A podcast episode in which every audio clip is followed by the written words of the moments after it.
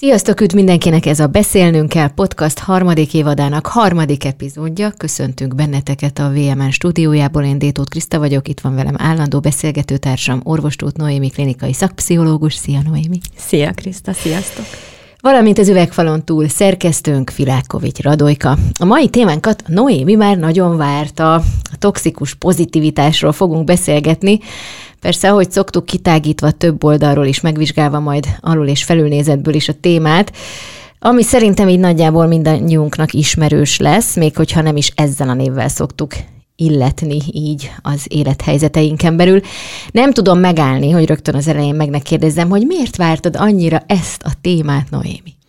Hát én ezt 15 éve várom körülbelül, amióta így elindult az, hogy úton, útfélen belebotlottál ilyen jó tanácsokba, hogy csak a jó dolgokra figyelj, és minden rosszban van valami jó, és akkor így éreztem már, mondom 15 évvel ezelőtt, hogy feláll a hátamon a szőr, és azt mondtam, hogy hát ez nem igaz, hogy így kell majd élnünk, és végre, végre. Végre beszélünk arról, hogy... Lehet arról beszélni, hogy ez annyira nem jó ötlet, hogy így dicsérg, vagy nem tudom, így biztassuk egymást. Na, hát az én személyes kedvenc, látszólag segítő a valóságban viszont inkább mérgező mondataim, akkor ha már elkezdted a sort, mondjuk ugye arról beszélünk, hogy amikor tényleg rosszul van az ember, amikor tényleg egy veszteséggel áll szembe, vagy egyszerűen tényleg szarnapja van, és akkor jön valaki azzal, hogy minden rendben lesz.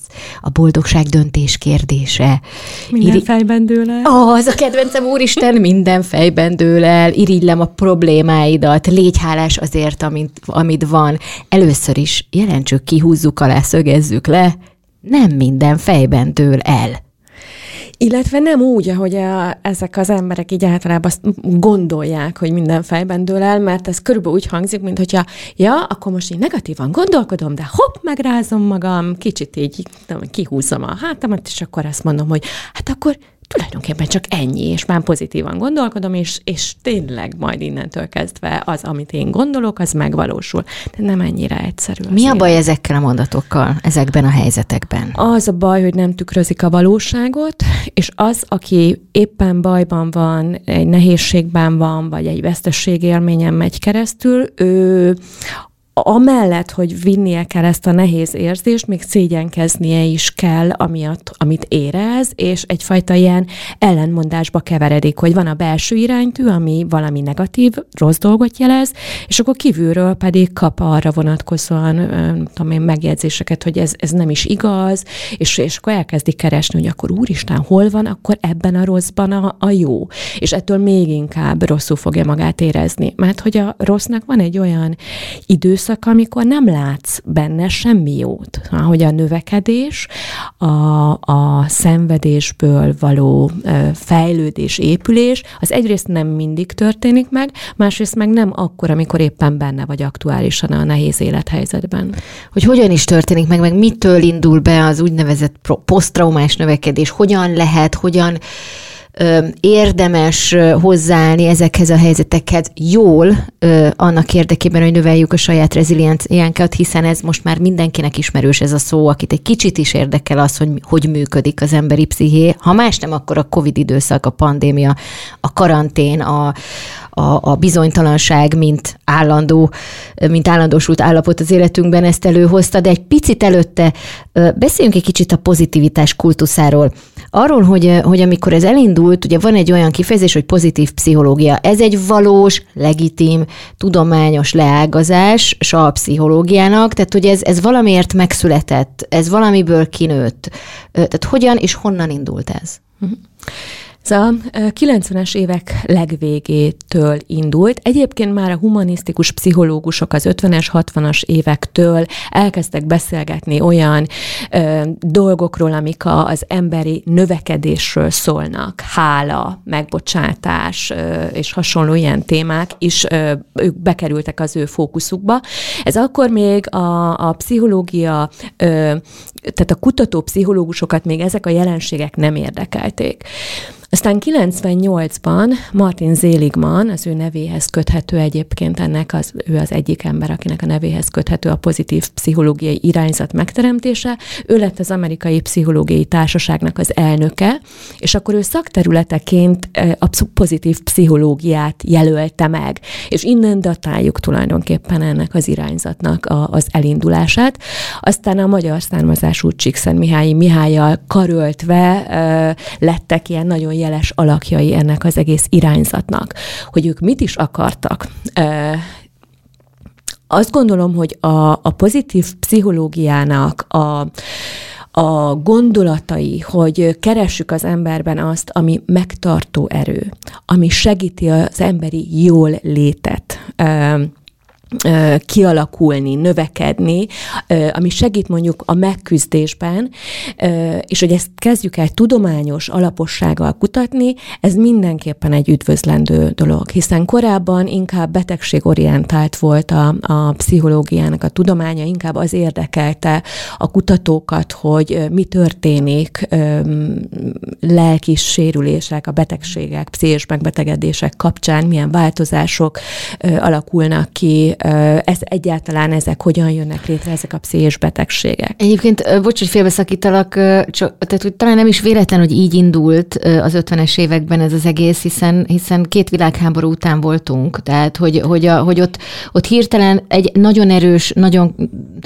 kézzelfogható traumatizáltságot kellett, és annak visszamaradott különböző jelenségeit kezelni, nem? Így van, így van, de hogy mondom, ez a, a mainstreambe vagy a tudományos um, érdeklődésnek a középpontjában majd csak a 90-es évek végétől kerül.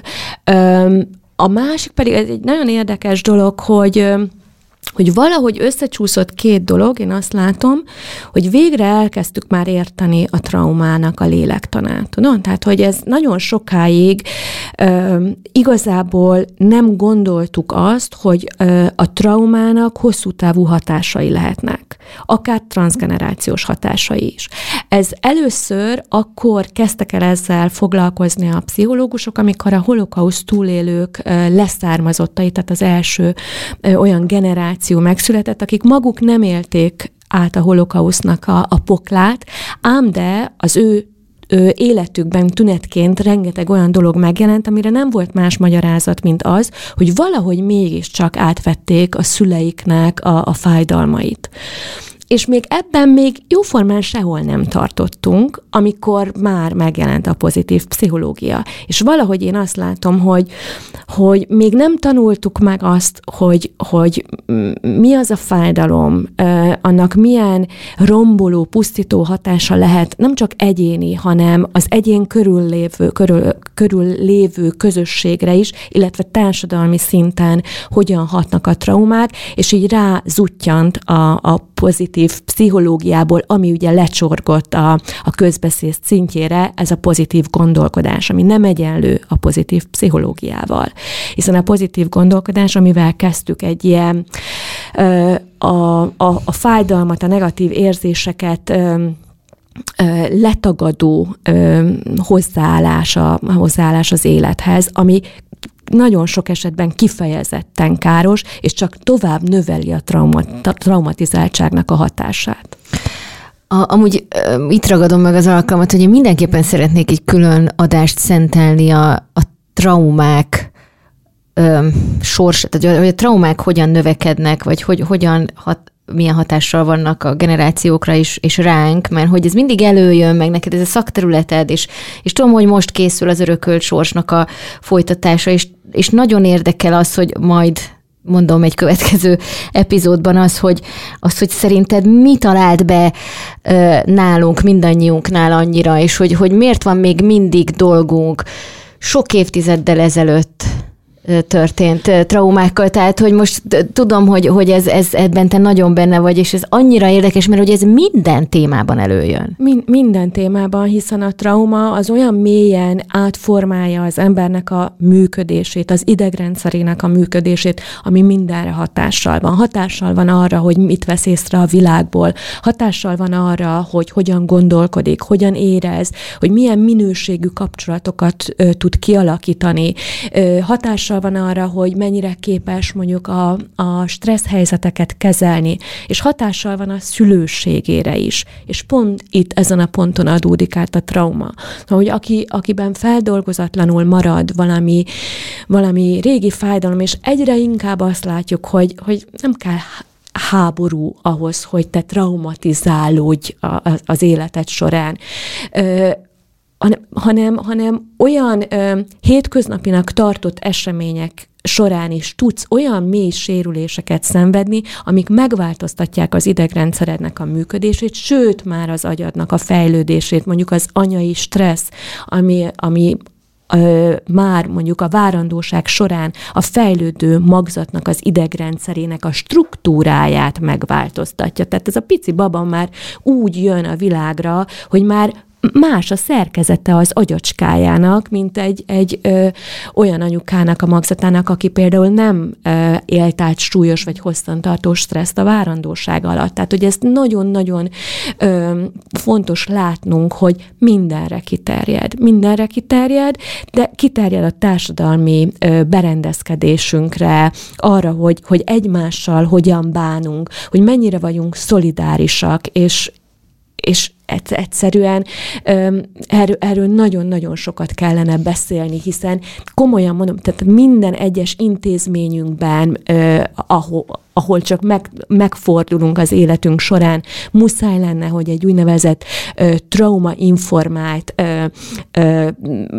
ellátásban legyen részünk, hogy tudják azt, hogy, hogy ami, aki oda bekerül, legyen az egy gyerek az oktatási rendszerbe, legyen az egy beteg az egészségügyi rendszerbe, hogy ő elképzelhető, nagyon nagy valószínűséggel hordoz olyan fájdalmakat, ami miatt ö, speciális módon kell vele bánni, illetve azt gondolom, hogy ez a speciális, az nem is annyira speciális, hanem ez lenne az emberi bánásmód. Tehát vissza kellene nyúlnunk ahhoz a, a, a humán gyökerekhez. Mert én azért abban megdönthetetlenül hiszek, hogy az ember alapvetően jó és nem pedig az van, hogy alapvetően rosszak vagyunk, és a szocializáció tanít meg minket áll jónak lenni. Na, szóval, hogy akkor most nagy eskü itt letéve, hogy akkor hamarosan lesz egy külön erről egy, egy epizód, amint kézhez kapom a kéziratodat, és elolvashatom a, az új könyvet, nem akarlak Igen. nyomasztani. Ne nyom, ne, ne. Á, nem is. De, de mindannyian nagyon várjuk, és újra fogom olvasni a, a, a, az örökölt sorsot is, és akkor beszélgessünk erről, mert ez, ez elképesztő fontos, amit mondasz, viszont már az előbb, az előbb említetted, hogy ugye a, a Csíkszent Mihályék nem azt mondják, hogy a traumákat, meg a, meg a szenvedést, meg a, a fájdalmakat el kell tagadni, és azt nem kell megdolgozni, hanem, hanem helyére, tehát csöpörjük ki, és a helyére szirupot öntsük be, hanem Persze. ők azt mondják, hogy annak pár, a párhuzamosan közben azért csak vannak, ahogy mondod, olyan megtartó gondolatok, olyan, olyan pozitív hozzáállás, de most már nagyon óvatosan ejtem ki a számon, hogy nehogy félreértsétek, de hogy, tehát, hogy mégiscsak mond valamit, vagy ad valamit a pozitív pszichológia, amit ténylegesen bizonyította hasznos, nem? Hát persze, hát, hát gondolj bele, hogy, hogy a szenvedés mellett azért látjuk azt, hogy, hogy a, mell, a, a mellett, hogy nagyon sokan megtörnek a, a szenvedésben, nagyon sokan pedig megerősödnek. Viktor Frank, aki, aki túlélte a, a holokauszt borzalmát, és aztán utána egy fantasztikus ö, alkotó emberré vált, és, és rengeteget adott nekünk ahhoz, hogy, hogy megtaláljuk az életünkben az, az életnek az értelmét, hogy, hogy ebben segítségünkre legyen. Edith vagy az Edith Éva, így igen. van, így van. Tehát, hogy számtalan példa van arra, hogy, hogy a nehézséget túl lehet élni, lehet embernek maradni, és lehet, lehet növekedni. És lehet segíteni a másokat. Milyen érdekes, hogy Viktor Frankl, ugye ő osztrák, Edith Éva Éger magyar származású, és mind a ketten a pszichológia területén tevékenykednek. Tehát, hogy nem csak az van, hogy ők maguk képesek voltak arra a bizonyos posztraumás növekedésre, és, és, és fejlődésre, és, és jobbá, többé, mélyebbé, hosszú-hosszú élet tehát tényleg Edith Éva igenek éppen most volt a, a VMN-en egy cikk, Hesna Algaui Hesna kint van Los Angelesben, vagy kint van Igen. San Franciscóba, és leutaztak hozzá San Diego-ba, és, és találkoztak, és 90 valahány éves, és még, még alkot, még abszolút. Még aktív, igen. Aktív, igen, abszolút, igen. tiszta, ab, te, te, tele van energiával. Na, szóval, hogy az se véletlen, hogy ők pszichológusok lettek, nem? Nagyon gyakran megfigyelhető, hogy aki túlélt egy traumát, ő utána azt érzi, hogy, hogy adnia kell, hogy segítenie kell másoknak, hogy az a tapasztalat, az nem maradhat csak az övé. Ez egy érdekes dolog, így a, a túlélő bűntudatával karöltve jelenik meg ez a, ez a nagy segítő szándék. A túlélő, ugyanis olyan érdekes, tudod, hogy azt gondoljuk, hogy túlélni egy egy Áldás. szörnyűséget, ja, aha, az, egy, az, egy, az mindenképpen egy jó dolog, ah, hiszen igen. halál helyett élet van. És közben az, az nagyon gyakran egy teher, hogy miért én? Ők meghaltak, én élek. Van-e jogom ehhez az élethez? Hogy van ez? Tehát, hogy, hogy szembesülsz a, az életnek azzal a megmagyarázhatatlanságával. Ugye ezekre a kérdésekre, hogy miért én? Én miért élek, ő miért, ha még nincs válasz? Ráadásul a holokausztól élők ö, ö, esetében ugye ott család, kész családokat, közösségeket végeztek ki, tehát, hogy ők szemtan, szemtanúi voltak, akár a Fahidéva is, ugye ő egy nagyon hasonló, nagyon hasonló történet, hogy, hogy, hogy, hogy szemtanúja vagyok a, a családom kiírtásának, és tehát hogy ilyen nagyon közvetlen az, hogy miért pont én. Így van, így van, így van. Tehát nem, nem véletlen egyébként ez a, ez a jelenség, ami megfigyelhető. A holokauszt és más tragédiáknak a túlélői, vagy, vagy betegségeknek a túlélői kapcsán is megfigyelhető ez a jelenség. És nagyon gyakran azt is látjuk, hogy ez úgy oldódik fel, hogy, hogy egyfajta ilyen segítő tevékenységbe csatornázza be aztán az energiáit, és ezzel születik meg a válasz, hogy azért, hogy segítsek, hogy, hogy, hogy elmondjam, hogy mi történt, hogy, hogy én legyek az, aki, aki hírt hoz arról is, hogy mi történt, és arról is, hogy, hogy nehogy még egyszer megtörténjen, és arról is, hogy, hogy hogyan tudunk fejlődni, és, és felállni, és mégis egyenes derékkal menni tovább az életben. És amúgy az nagyon-nagyon érdekes, és ugye azért itt emlékezzünk meg most egy pillanatra Csíkszent Mihály Mihályról, hiszen épp nem, nem rég vesztettük el őt, Igen, ugye október 20-án. 20-án halt meg, és az ő flow elmélete világhírűvé tette az ő munkáját, illetve nagyon sokat hozzátett a, az egész pozitív pszichológia tudomány ághoz. Igen, hát ez annyira hozzá kapcsolódik Igen. a pozitív pszichológiához, hogy szinte elválaszthatatlan ez a flow elmélet, ugye, ami arról szól, hogy ki tudnak alakulni olyan állapotok, amikor így egyszerűen megszűnik a tér és az idő, és egy kreatív tevékenységbe annyira szinte feloldódsz, hogy nem is érzékeled magad körül a világot. Csíkszentmihály egyébként festőket figyelt meg, akik úgy alkottak, olyan extázisban szinte, hogy se, se inni, se enni eszükbe se jutott, mert, mert annyira magával ragadta őket az alkotás. Tehát a, a kreatív embereknek ez egy ilyen sajátossága.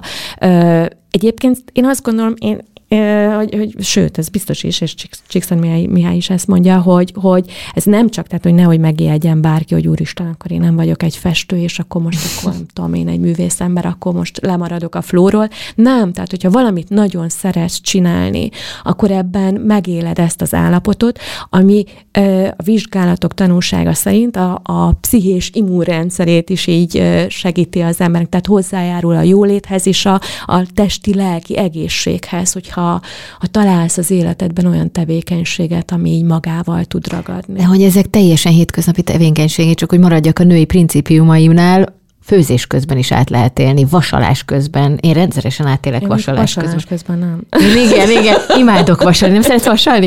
Én nagyon. Az egyetlen igazi kedvencem a házi munkák közül. Főzni is szeretek, de vasalni egészen, egészen nagyon bele tudok mélyedni. Na, hát akkor lehet, hogy csak gyakorolnom kellene. Mert tudod, ez, ez úgy van, hogy egy ideig, amíg a technikát el nem sajátítod, addig nincsen flow, az már akkor van. Amikor, amikor már nem figyelsz. Te, amikor már nem kell arra figyelni, hogy most húzod jobbra, húzod balra. Jó, hát a flowba főzök, akkor nem tudom, mi lesz belőle, és elindul valahogy, aztán elindul csirkepaprikásnak, aztán somlói lesz, de mindegy, a, nekem a flow meg volt. Na, de viccen kívül, tehát pont kimondtad azt hiszem, hogy a, ha, ha jól értem a kulcs szót, hogy a jól lét tudománya az, amit, amiről beszélünk, Igen. nem? Igen. Tehát ez a pozitív pszichológia. Igen. És azért igazából a boldogság keresése, meg a jól lét keresése az, az azért nem egy újdonság. Tehát gondoljunk a vallásokra, a ritusokra, a nem tudom, a hedonizmusra, egy csomó mindenre a, itt a, a humán história. Gondoljunk, persze, csak azt ne felejtsük el, hogy nagyon sokáig a boldogság az, az nem szerepelt um, az élet célok között. Tehát száz évvel ezelőtt bárkit megkérdeztél volna, hogy mi az ő életének a célja, akkor nagy valószínűséggel eszébe se jutott volna azt mondani, hogy hát mi, hát én boldog szeretnék. Ma meg az első dolog, vagy é, dolgok egyike, egészség, van, boldogság. Így van, és ugye, ahogy, ahogy mondtuk, ugye lefordítottódott a pozitív pszichológiának minden nagyon tartalmas gondolata, ilyen nagyon egyszerű gondolatokra, és meg is jelentek ezek az önsegítőkönyvek, különböző tanfolyamok, a boldogság öt titka, hogyan érjük el a boldogságot hét lépésben, és hasonló ilyen... Mindenből uh, lisztikül lett. Igen. Így, így van. Uh, és aztán ott van az egyén, és azt mondja, hogy úristen, tehát hogy akkor most itt van egy olyan feladat, hogy el kellene valamit érnem, ami megfoghatatlan. Mert az, hogy nem tudom én, teker le bringával 10 kilométert ennyi és ennyi idő alatt, az egy megfogható valami. Elkezdesz tekerni, aztán figyeled, hogy közelítesz el hozzá az elvárt teljesítményhez, vagy sem. De hogyha azt mondják neked, hogy hát figyelj, így kell boldognak lenni, akkor már ott megakadsz, hogy de az mi is? Ugye? Hát, hát milyen ezt... boldognak lenni, meg ez olyan, hogy a, ugye elképzeljük mondjuk, mint mondjuk a Taj Mahal-t, hogyha elég sokat teperek, és végigmegyek azon a 21 lépésen, amit írt az, akárki, akkor, akkor egyszer csak majd így feltűnik előttem így a, az építmény, hogy a boldogság. Igen. Na hát aztán, Szóval, hogy ilyen nagyon igen. képlékeny a dolog, miközben ö, olyan mm, elánnal súlykolta, súlykolta és súlykolja a média most azért a, szerintem a Covid-nak köszönhetően ez így kezd eltűnni, tehát a mai élethelyzet már nem az, amire minden áron így rá lehet húzni, hogy de akkor most ebbe is meg kell találni a, a jót. Tehát ugye ezért ebben van egy változás, de, de még egy két évvel ezelőttig azért a, a boldogság kurzusok azok, azok hódítottak, amivel igazából nincsen semmi baj, ha értjük, hogy a boldogság is csak egy a, a, az érzelmek közül, és, és nem lehet kizárólagossá tenni, és nem lehet, hogy, hogy azt képzelje bárki, hogy ezzel aztán, hogyha elértem már az öt lépésre ugye a boldogságot, a onnantól kezdve soha nem leszek szomorú. Mert valami ilyesfajta üzenet volt. Mert ha szomorú vagy, akkor ugye a pozitív gondolkodás mit mond, az már a te hibád. Tehát, hogy belecsúsztunk az áldozat hibáztatásba is a pozitív gondolkodás térhódításának köszönhetően. És ez nagyon sok embernek őrült terhet jelentett. Tudod, hogy, hogy hát én nem érzem jól magam most, és nekem ez az igazi érzésem, és akkor mondták, hogy hát keretezd át. Hát de most komolyan, hát keretezd már. Hát közelíts meg máshonnan. Nézd a napos Tudom. oldalát, ez a silver lining, ugye, amit Igen.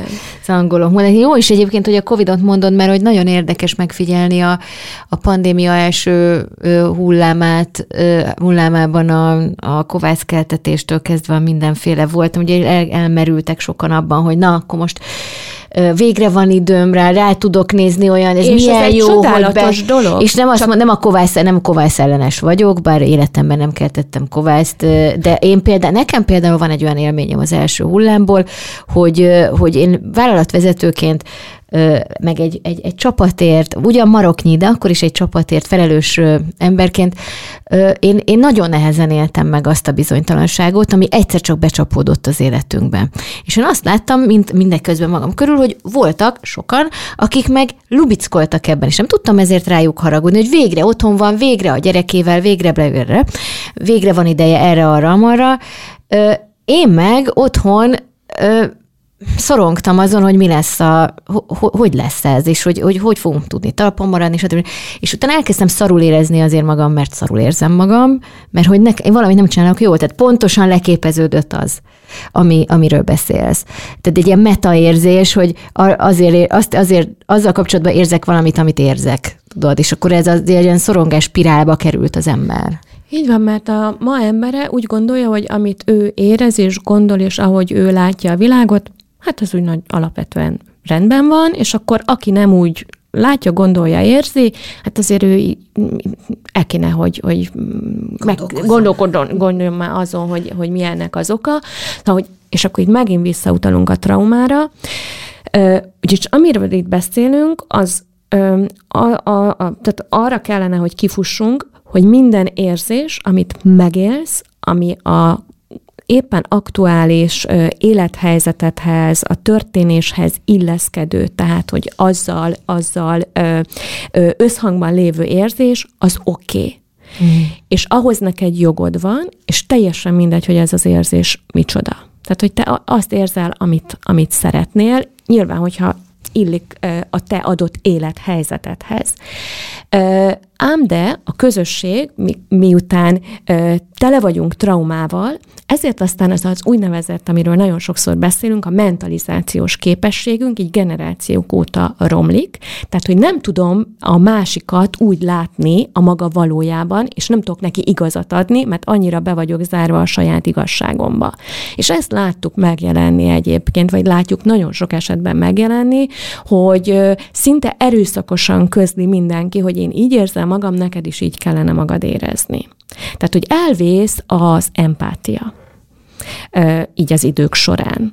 És én azt gondolom, hogy a pozitív gondolkodás ennek a generációk óta tartó traumatizáltságnak a következménye. Tehát, hogy ez egy ilyen nagyobb kontextusba értelmezhető jelenség. Tehát nem önmagában, hogy egyszer csak az emberek elkezdtek így gondolkodni, Valamiféle, mert nem, igen. hanem mert oka van ennek. Tehát, hogy elfogyott az empátiás kapacitása az embereknek, ugye az empátiához kell egyfajta idegrendszeri működés tudnom kell rácsatlakozni a másikra, amit gyerekkorban tanulok meg, egészen piciként, amikor még az idegrendszeremnek a fejlődése még nagyon az elején van, és még nagyon képlékeny, és nagyon alakítható, és ezt azáltal tanulom meg, hogy jól rám hangolódik valaki. Na most a generációk óta traumatizált szülők, azok ugye egyre kevésbé tudnak ráhangolódni a gyerekeikre, azok a gyerekek, akik úgy nőnek fel, hogy igazi ráhangolódást nem tapasztaltak, ők pedig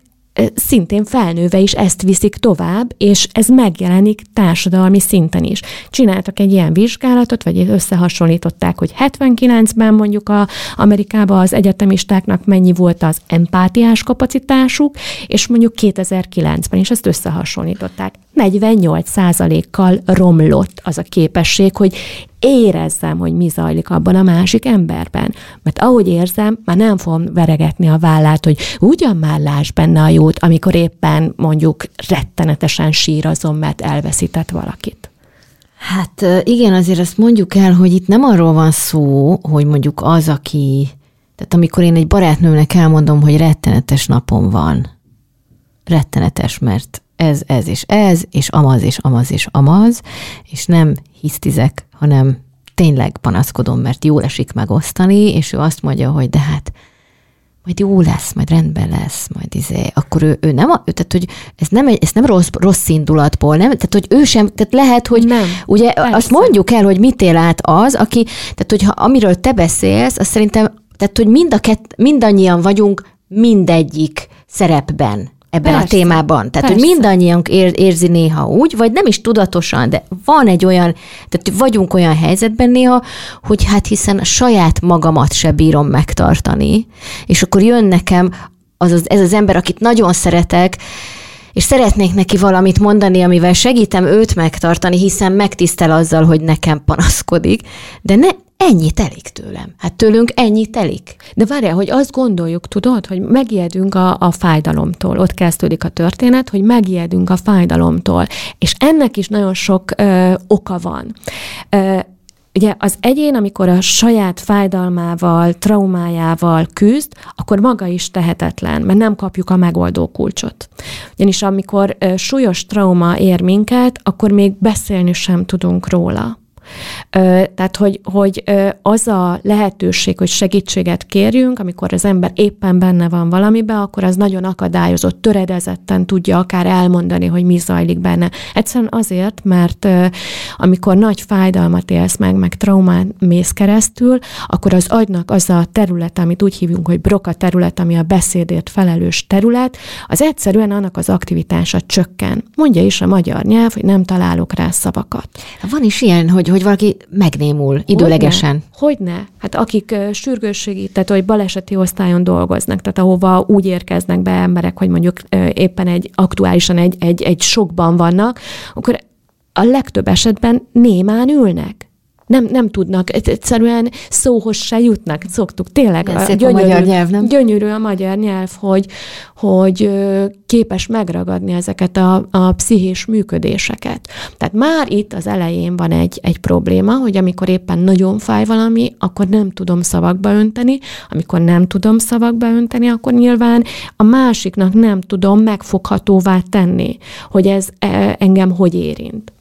Közben amikor valakivel ugye találkozom, és akkor már mondjuk tudok róla beszélni, akkor benne is keletkezik egy rossz érzés. Ugye megint idegrendszeri működés, az agyunkban lévő tükörneuronok lereagálják a másiknak az érzelmi állapotát. Ezek a kis sejtcsoportok vitatkoznak ezen, hogy van, nem, de hát azt tudjuk, hogy amikor valaki boldog és ráhangolódsz, egyszerűen meglátod, hogy mosolyog, és te is mosolyra húzod a szádat, viszont ha valaki nagyon el van keseredve, akkor úgy érzed, hogy úgy te is megterhelődsz ezzel az érzéssel, és biokémiailag is ráhangolódsz a másikra, hogy a te szervezetedbe is megváltozik minden, és, és megéled szó szerint azt a testi tünetet, a, annak a fájdalomnak a testi tünetét, ami nő keresztül megy. Ezt nem szeretjük, ezt szeretnénk ettől valahogy megszabadulni. És azt gondolom, hogy ez a tehetetlenség is szüli ezeket a, ezeket a e, igazából olyankor kifejezetten kártékony mondatokat. A másik az, hogy, hogy ezt megfigyeljük, ugye, hogy társadalmilag is, hogy egyre szeretnénk egyre távolabb kerülni a fájdalmas érzésektől, hogy nézd meg, mit csinálunk például a halállal, hogy kiszerveztük az otthonainkból, hogy, hogy a hozzátartozóink kórházban halnak meg már nagy részt. Nem vagyunk jelen. Nem, Elzárjuk a gyerekeinket tőle van, például. Nem látjuk, nem is akarjuk, sőt a gyerekeket, ú, Isten őriz, hogy nem, nem viszont, sétálunk, nem és akkor ott van egy, igen. nem tudom én, egy, egy döglött galamba a parkban. Jaj, forduljál, ne is lásd, hogy ilyen van. Tehát, hogy felnő egy generáció úgy, hogy, hogy végtelenül sérülékeny, mert nem találkozik az élet nagy drámájával, azzal, hogy az élet véges. És aztán persze, hogy mivel ez le van tagadva, ez tabusítva van az élet végessége, ezért aztán anélkül, hogy tudatában lennénk, társadalmi szinten is van egy ilyen, ilyen nagy-nagy elfolytott szorongás bennünk. És ez is hat arra, hogy aztán hogyan viselkedünk, amikor ott állunk azzal az adott illetővel szemben, aki éppen, éppen szenved. Szóval, hogy ez nagyon megmozgat minket idegrendszerileg, egyáltalán a saját életünknek a, az értelmességébe vetett hitünkben, Szóval nagyon sok minden zajlik ám egy-egy ilyen pillanatban. De azon gondolkozom, hogy mondod, hogy az empátiára való képességünk visszafejlődött,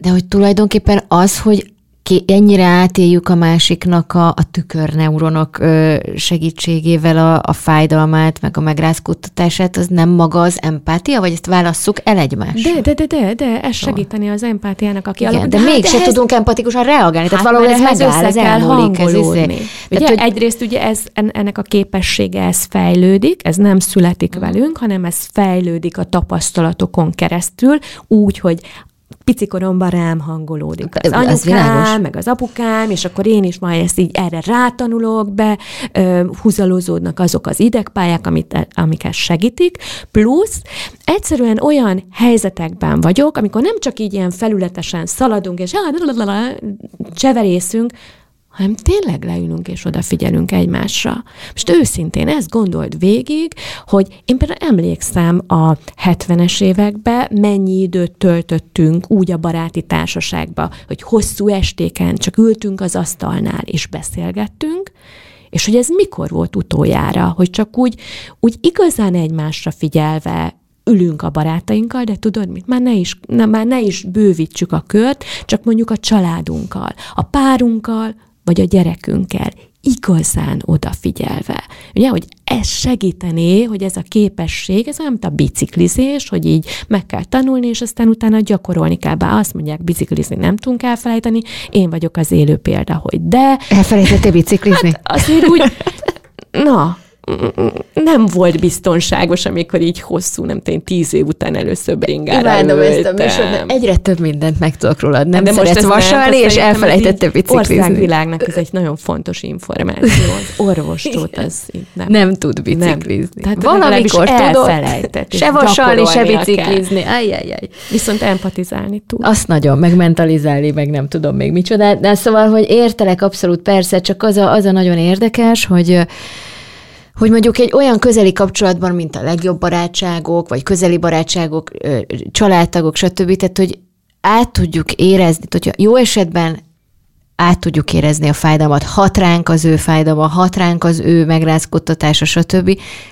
de azt, hogy ezt megfelelő, jól hangzó és olyan reakcióvá formáljuk, és ez már lehet, hogy csak kommunikációs probléma, nem tudom, hogy azzal segítsük őt, ahelyett, hogy az az reflex kapcsol be mink, bennünk, hogy na de hát nézd a jó oldalát, hogy majd minden rendben lesz. Hát de a gondolatait formálják azt, hogy mit csinálsz, ugye? És hogyha azt gondolod, hogy ja, segítenem kell, meg akkor ennek valahogy ebből ki kell rángatni, ki, ki kell őt ebből segíteni. Na, ez nagyon, ez nagyon fontos, akkor hogy nem kell kirángatni nem kell. állandóan mindenkit nem mindenből. Kell. Nem kell. Az én pácienseim mindig az, azon döbbennek meg, amikor azt mondom nekik, hogy a fájdalomnak meg kell adni azt, ami a fájdalomé. Úristen, Radojka, följegyezted? Ez legyen a címe, a, jó? Majd légy szíves a cikknek. Hogy igen, hogy egyszerűen van, amikor egyszerűen csak így benne kell ülni ebben a fájdalomba, és egyre mélyebbre és mélyebbre menni, és hagyni, hogy így vigyen mag, húzzon magával lefelé hagyni, az örvény, egy és, kicsit. és hagyni, hogy igen, mert amíg erővel megpróbálod ezt leküzdeni, elfolytod, ezt csinálsz, azt csinálsz, a figyelmedet eltereled, nem tudom én, gyorsan tovább lépek, megrázom magam, addig, addig ott marad addig ott marad. Hát mert ez meg azért van, mert ugye ott olyan nyomás alá vagyunk helyezve magunk által, mások által, társadalom által, hát, a nincs média a fájdalomra. Hát, hát a semmire nincs idő, miért pont a fájdalomra lenne idő, érted? Tudod, hát, Egyrészt, másrészt meg, hogy, ezt a reklámot. meg hogy az van, hogy, hogy egyszerűen nem engedjük meg magunknak, mert hogy az van, hogy, hogy állandóan azt halljuk, hogy nem, nem jó az, hogyha szenvedünk, hát az gyenge, hát az... az Persze a fájdalmat, van, azt ennek a is egy gyengeséggel asszociáltuk, Igen. És, és azt gondoljuk, és már ezt el is hisszük, hogy, hogy hogyha fáj, akkor az valami nem elég, hogy rossz érzés, de még valami fajta egyéni csökkent értékűségi érzést ba, is igen. kelt, az hiba, igen, hogy valamit mi nem tudunk, amit tudnunk kellene. Miközben, amikor fáj, fájunk, akkor éppen azt tudjuk, amit tudnunk kellene, hogy, hogy érezzük az érzésünket. És ez nagyon fontos, mert az elfolytásra visszatérve, hogy, hogy ezt is számtalan meg egy kutatás bizonyította, hogy amikor megpróbálsz elfolytani, elnyomni egy rossz érzést, akkor csak rosszabbul jársz, akkor a testednek, a, a tested is reagál. Tehát a stressz az nem, hogy csökkenne, a feszültség nem, hogy elmúlna ettől, hanem még inkább felerősödik. És egy követéses vizsgálatban például 12 éven keresztül követtek embereket, és kiderült, hogy akik hajlamosak voltak a, a nehézségeik, fájdalmaik, szenvedéseik, szomorúságaiknak így a, az elkendőzésére, elfolytására, náluk nagyobb eséllyel fordultak elő daganatos betegségek például. Szóval, hogy ez nem vicc. A, a test és a lélek az nem egy két ilyen külön világban létező valami. Amit én lelkileg megélek, az, az annak, annak egy testi ö, megfelelője is van. És és nem lehet megúszni. Tehát olyan nincsen, hogy ah, akkor én most ezt a szenvedést, ezt így gyorsan-gyorsan szeretném, ebből, szeretnék ebből kilépni. Nem fog menni. Uh, Oké. Okay. És akkor mi az, mik azok a mondatok, amik viszont ilyenkor működnek? Amik, amikkel nem teszünk kárt a másikban, amikkel az, amelyekkel azt jelezzük, hogy itt vagyok, megtartalak, számíthatsz rám. Lehet, hogy ezek azok amúgy. Hát pont kimondtad. Meg tudod, nagyon sokszor nem kell mondani, hogy mindig az aktivitást keressük. A mai ember meg van őrülve, állandóan aktívkodni akar. Hogy itt nem, nem kell ö, keresni valami aktív ö, cselekedetet. Egyszerűen csak ott ülni. És megfogod a kezét, vagy ráteszed a, a vállára a kezed, vagy magadhoz húzod, és már oké, okay, vagy főzöl neki egy teját, vagy, vagy nem tudom, én főzöl ebédet flóba, és elviszed neki például. Vagy felhívod, amikor, amikor tudod, hogy nagyon rossz paszban van, és akkor azt, azt mondod neki, hogy na, mesélj, gyere mesélj. És akkor lehet, hogy csak hallgat a vonal túl végén, de már nincs egyedül. Ahogy mindig fejtegetjük, hogy mi a felét kéne csinálnunk, Igen. és közben az élet annyira szimpla. Együtt lenni, együtt érezni, és nem megoldani. Igen, ez olyan, olyan nehéz ezt, amikor most én is felidézek olyan ö, beszélgetéseket magamban, amikor csak, hogy megfordítsam, és, és demonstráljam is azt, amit mondtam az előbb, hogy, hogy igenis mindannyian belecsúszunk ebbe. Tehát, hogy itt most nem az van, hogy vannak a csak, akik jól csinálják, meg csak, akik rosszul, hogy mindeket, mindannyian vagyunk mind a két oldalon. Hogy segíteni akarunk, meg, meg bennünk van ez a dolog, hogy aktívan akarunk segíteni, és hogy azonnali megoldásokat szeretnénk valahogy felvillantani, vagy felvázolni annak a bizonyos épp fájdalomban lévő barátunknak, szerettünknek. Nekem is volt olyan, hogy egy barátnőm elmondta a szívfájdalmát, és azonnal bekapcsolt bennem az, hogy, hogy mit, hogy tanácsolnék neki valamit, hogy, hogy ezt hogy kéne. Finoman próbáltam csinálni, és, és jó fejmódon, de mégiscsak megmondtam azt, hogy hogyan kéne megoldania, és most egy kicsit így el is szégyellem magam, hogy ez nem így kellett volna. És ez annyira könnyű ebbe belecsúszni. Hát persze, könnyű, de itt most megint, szóval, hogy legyünk magunkkal is kegyesek szerintem, hogy ha már ezt így felismertük, hogy hát igen, ú, azért hajlamos vagyok arra, hogy gyorsan-gyorsan Megmondjam a tutit, megmondom igen. a tutit, meg lépjem már túl ezen, mert nekem se jó, hogyha téged szenvedni látlak, úgyhogy légy szíves, ne szenvedjél sokáig. Ahogy magunkkal se legyünk már um, ilyen nem tudom én, kegyetlenek, hogy, vagy nem kellően empatikusak, szóval, hogy magunkkal is érdemes empatizálni, ezt csináltam. És akkor majd legközelebb, amikor jön egy ilyen helyzet, akkor már, már nyitottabban, végig gondol megfontoltabban, tehát nem tudom én, megfontoltabban reagálunk. Szóval, hogy ezek az adások, meg ezek a beszélgetések szerintem ennyit tudnak segíteni, hogy itt nem ilyen megoldó kulcsok után kell kutatni, hanem egy-két olyan szemlélet váltó gondolatot így, így nem tudom én, elvinni magunkkal, és akkor így gondolkodni rajta, hogy aha, akkor ezzel most mit tudok én kezdeni, hogy tudja ez átformálni az én viszonyomat a fájdalomhoz, és az hogy tudja majd átformálni a, a viselkedésemet mondjuk egy, egy a másik emberrel, aki, aki szenved. De én már egyébként hallom, hogy majd miket fognak mondani a hallgatók, mert én mindig fel vagyok már készülve, hogy igen, de vannak, akik mindig panaszkodnak.